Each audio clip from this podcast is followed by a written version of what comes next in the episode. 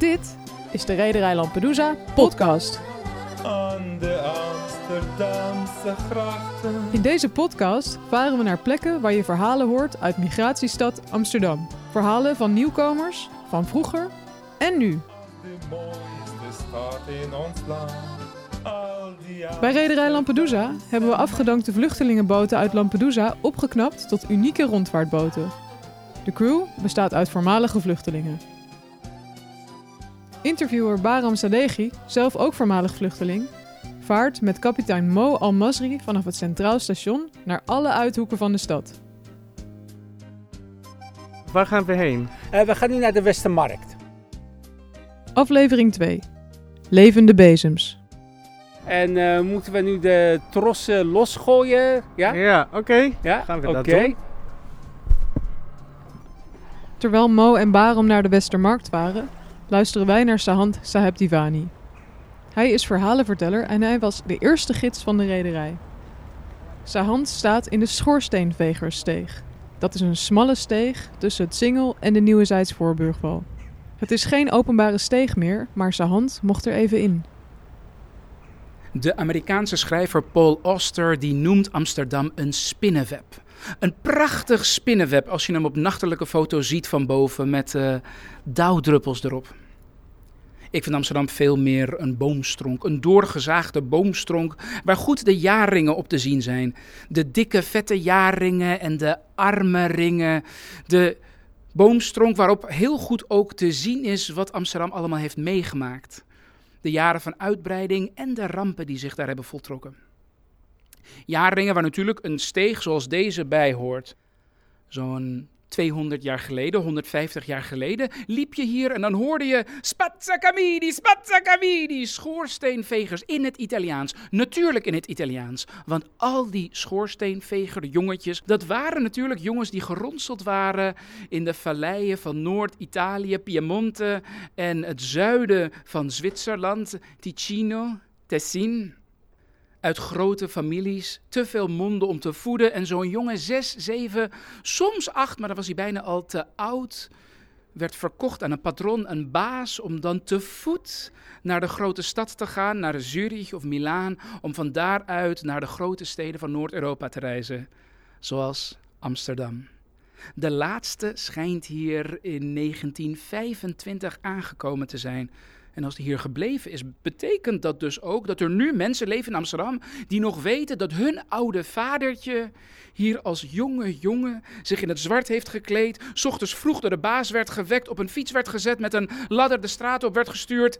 En terwijl die in het Italiaans vertelde dat hij er klaar voor was om het werk te doen, betaald werd om door een schoorsteen te kruipen, het roet zijn longen in te laten gaan, zodat wij Amsterdammers schone schoorstenen hadden.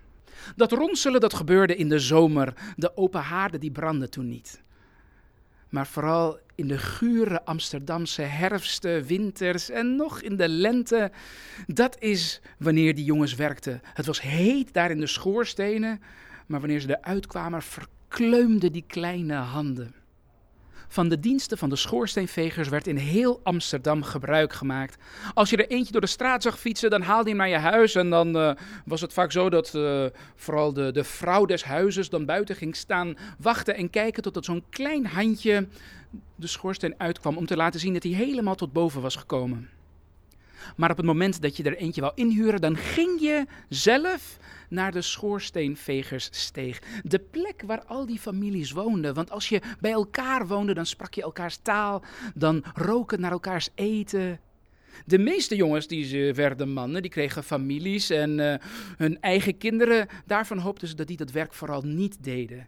En die klommen dan omhoog de sociale ladders op en gingen ander werk doen. En soms gingen ze ook terug. Terug naar de streken waar ze vandaan kwamen. Naar de families die al die jaren waren onderhouden met het geld dat vanuit Amsterdam werd gestuurd.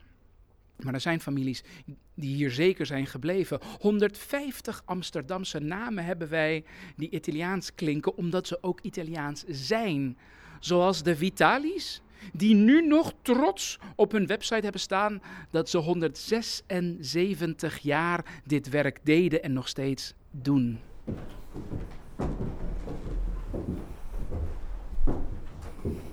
ben wel best buiten adem. Ja, ja, ja.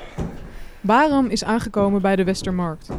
Hij loopt de trap op van een statig pand tegenover de Westerkerk samen met Ramon Vitali, schoorsteenveger. Ja, die van die familie Vitali dus. Ramons bed-bed-overgrootvader woonde in de schoorsteenvegersteeg. We zijn nu drie hoog en we gaan nog hoger. Ja, dit is het dakluik. En als we hier eh, zeg maar omhoog gaan, Via een wankel laddertje Nee, maar dit ziet er gewoon heel eng uit. komen ze op het dak. En nu de kerk natuurlijk, hè? Ja, de is, dat is de, de prins. Westerkerk. dat is Gewoon- mijn prins. Ja, is mijn prins. Ja, symbool van Amsterdam bijna. Ja, ja, ja. Ja. Kom je binnen de ring en je gaat het dak op om je werk te doen. In de 9 van de 10 gevallen zie je die Westerkerk. Ja. En dat is zo'n mooie kerk. Ik ben er helemaal gek van. Ik vind het zo mooi, dat, dat blauw, dat goud. Ja. Ik vind het fantastisch mooi. Echt fantastisch mooi. Nou, ik, ik moet zeggen, ik kan, ik kan wel janken van dit uitzicht. Ja, dit is geweldig. Dit is prachtig. Wat? Echt, ik meen is het echt. Ik Ja. word echt. Dit is zo mooi om te zien, man, Ja. Amsterdam. Ja, en dat is ook een van de redenen waarom ik dit beroep eh, Ja? in ben gegaan. Mijn ouders, mijn vader, die zei... Ramon, je mag kiezen wat je wil, maar je hoeft helemaal geen schoorsteenveger te worden. ja. Terwijl je wel van die generatie, je bent zesde generatie. Zesde generatie, ja. Gewoon vanaf eh, het eind 19e eeuw. Ja, klopt. Klopt. Toen je bed, bed over grootvader Giovanni naar Nederland kwam. Ja, ja. Als 15, 14-jarige. Ja, hij was eh 13, de- de- 13 13, jaar. 14. Toen Ja. is hij bij een ander bedrijf eh, in dienst gegaan. En toen hij te groot werd om zelf door die schoorstenen heen te gaan, is hij hier gebleven. Ja. En heeft hij een eigen bedrijfje eh, is hij begonnen. Hoe eh, gevaarlijk of veilig of wat dan ook was het werk? Kan je daarover iets vertellen? Vroeger was het helemaal niet veilig. Nee? Vroeger was het helemaal niet veilig. Die jongetjes die moesten vroeger in de schoorstenen. En met een krabber moesten ze die binnenkant van die schoorsteen helemaal schoonmaken. En eh, ze moesten ook helemaal naar boven. Door die schoorsteen heen klimmen. Dus ja, schoorstenen, stenen los. Eh, ze, ze pakten een plank. Daar gingen ze dan een beetje eh, op zitten op die plank. Ja, dat, dat ging ook wel eens mis natuurlijk. En dan vielen ze naar beneden en dan braken ze hun nek. In het meest gunstige geval. Want eh, anders waren ze invalide geweest. Dus ja, er gebeuren ook wel eens hele erge dingen. Ja. Eh, long- longziektes van die roet. Ja. Want ze hadden een lapje, die hadden ze nat gemaakt. Die hadden ze voor wat die mijnwerkers ook doen. Maar dat ging niet altijd goed natuurlijk. Dus dat waren echt uh, schoorsteenveegziektes. Dan ben je A, sowieso jong. En dan moet je naar andere streken om Andere heel taal. vies werk te doen. En misschien jouw organen zijn niet, ook niet helemaal volgroeid. Misschien heb je nog eh, je longen en, en, en zijn nog kwetsbaar. Ja, absoluut, absoluut. Roet is, is rommel. Roet is rommel. En helemaal als ze in die schoorstenen moesten. Die kleine kereltjes, levende bezems genoemd.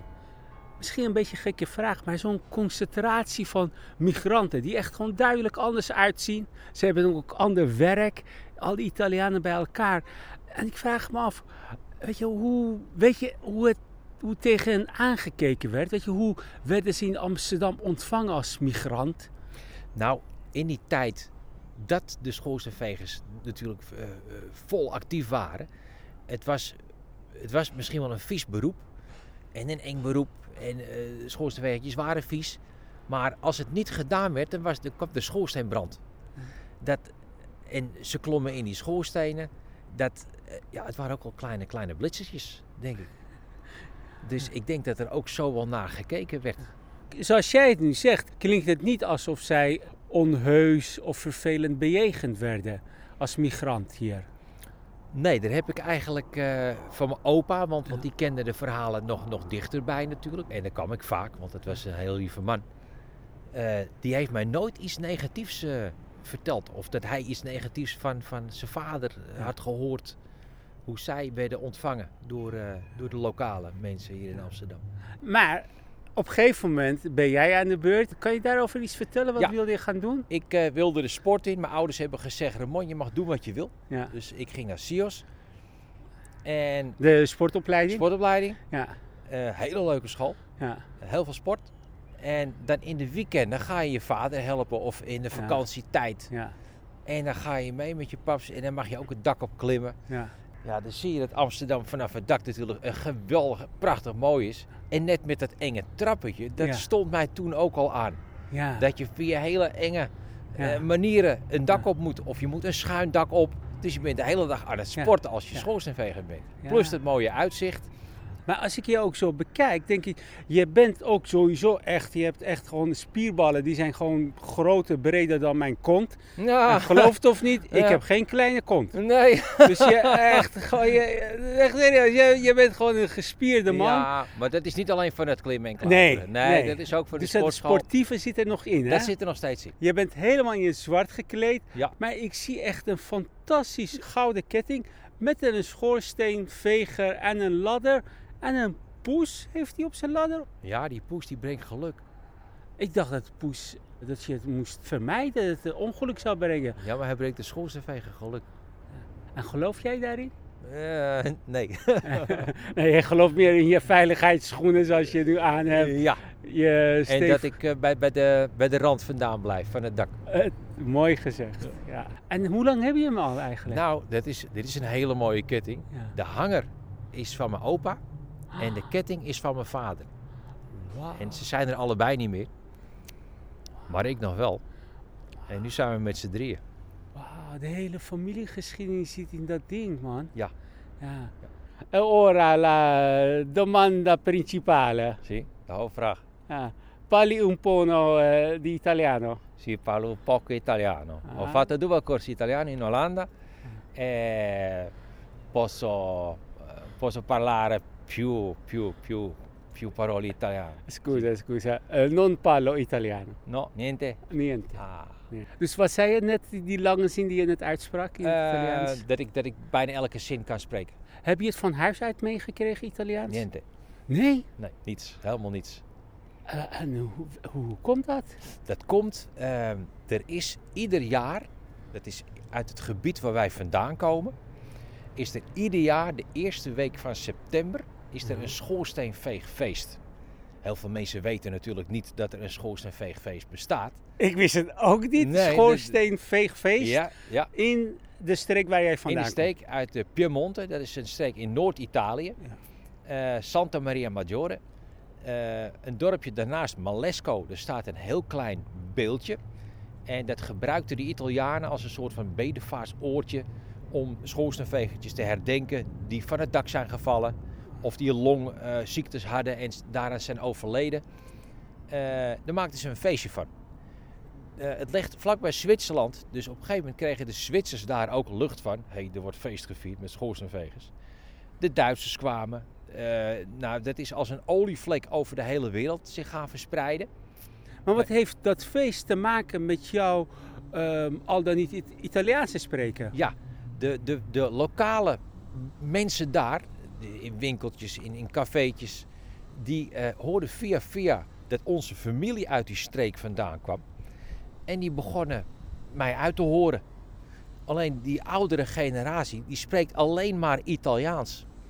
En ik had het ze zo graag willen vertellen allemaal. Dat ik ben in Nederland ben ik, eh, twee cursussen gaan volgen. En eh, ja, ik ben ook niet bang om, om fouten te maken. Dus het jaar na die cursussen, toen ben ik gaan ratelen daar. En stonden mensen mij met open mond aan te kijken van... Wat een raar kereltje ben jij. Opeens praat je Italiaans. En ze gingen mij helpen dat als er iets misging... En ja, het is een warm volk. Ja. Dus als het even niet, dan helpen ze je erbij. En Ja. ja, dat, dat nodigt alleen maar meer uit om het nog beter te gaan eh, oefenen. Maar je hebt nu de zaak overgenomen. Ja, mijn Ja. vader is er helaas niet meer. Die is al een poosje eh, weg. En eh, ja, dan moet je het zelf doen. Mijn zus zit er gelukkig ook in. Ja. Dus dat is eerlijk verdeeld. Die zit op kantoor. En het gaat ons heel goed. Heb je zelf een zoon? Ja, ik heb twee zonen. Hoe oud zijn die? eh 19 en 21. Oh jee, dus die staan ook op het punt om een pad in hun leven te Ja, kiezen. zeker, zeker. Mijn mijn jongste zoon, die eh, wil niet de zaak in. Die kan heel goed voetballen. Eh, en mijn oudste zoon, die staat te trappelen om ook de zaken in te gaan. Hij werkt nu bij een installateur. Om daar heel veel kennis op te doen. Met zonnepanelen, warmtepompen, eh, van alles en nog wat, wat, allemaal technisch is. Wat ik allemaal niet geleerd heb. Dat gaat hij nu wel leren. En als de tijd daar is, dan kan hij er zo in rollen. Heeft het er ook mee te maken dat dit beroep, en ik, het doet me pijn om het zo hard tegen je te zeggen, een uitstervend beroep, beroep zeker, is? Ja? zeker, zeker, zeker. Eh, steden komen steeds meer mensen naartoe. En als wij de lucht die we inademen eh, blijven vervuilen met open haarden en houtkachels. eh, ja, ik gooi mijn eigen ramen natuurlijk in. Maar dat kan niet zo door blijven gaan. Ja. Dus er zal uiteindelijk een klap met de hamer komen die zegt van eh schoorsteenvegers, allemaal leuk. Maar we gaan de houtkachels en de open haarden, die gaan we verbieden. Daar zijn we natuurlijk al mee bezig.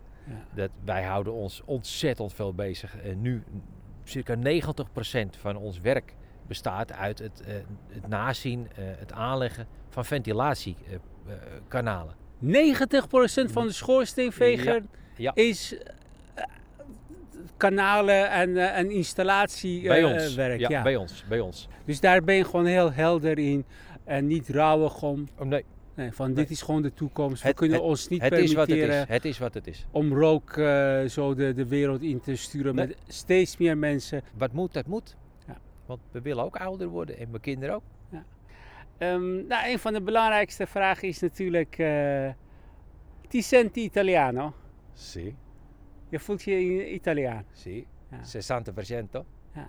Zes- zes- 60%. Z- 60 procent, Ja. oké. Dan wil ik ook weten, hoe uit het zich dat die, eh, die 60 procent en hoe uit de 40 procent zich dat niet-Italiaans en Amsterdams is? Ik denk dat mijn eh, sentiment, dat dat Italiaans is.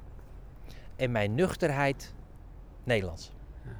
En ik kan nuchter zijn, maar mijn sentiment is altijd ietsjes meer Ja. als mijn nuchterheid. Ik heb nu alleen maar jouw sentiment gezien. Vanaf het moment dat ik je aansprak, ik kwam je op straat tegen. Je was gelijk eh, glimlachend, Ja, ja, ja. Open houding. Ik werd er heel blij van. ja, maar dit is een interview over, over mijn beroep. Ja, En dan komt het sentiment omhoog. juist. Ja. Maar, maar als ik even niet met mijn beroep, natuurlijk, dan ben ik ook een sentimenteel mens, maar met, met dan, dan komt dat omhoog. Daar is hij weer. Oh, Westerkerk.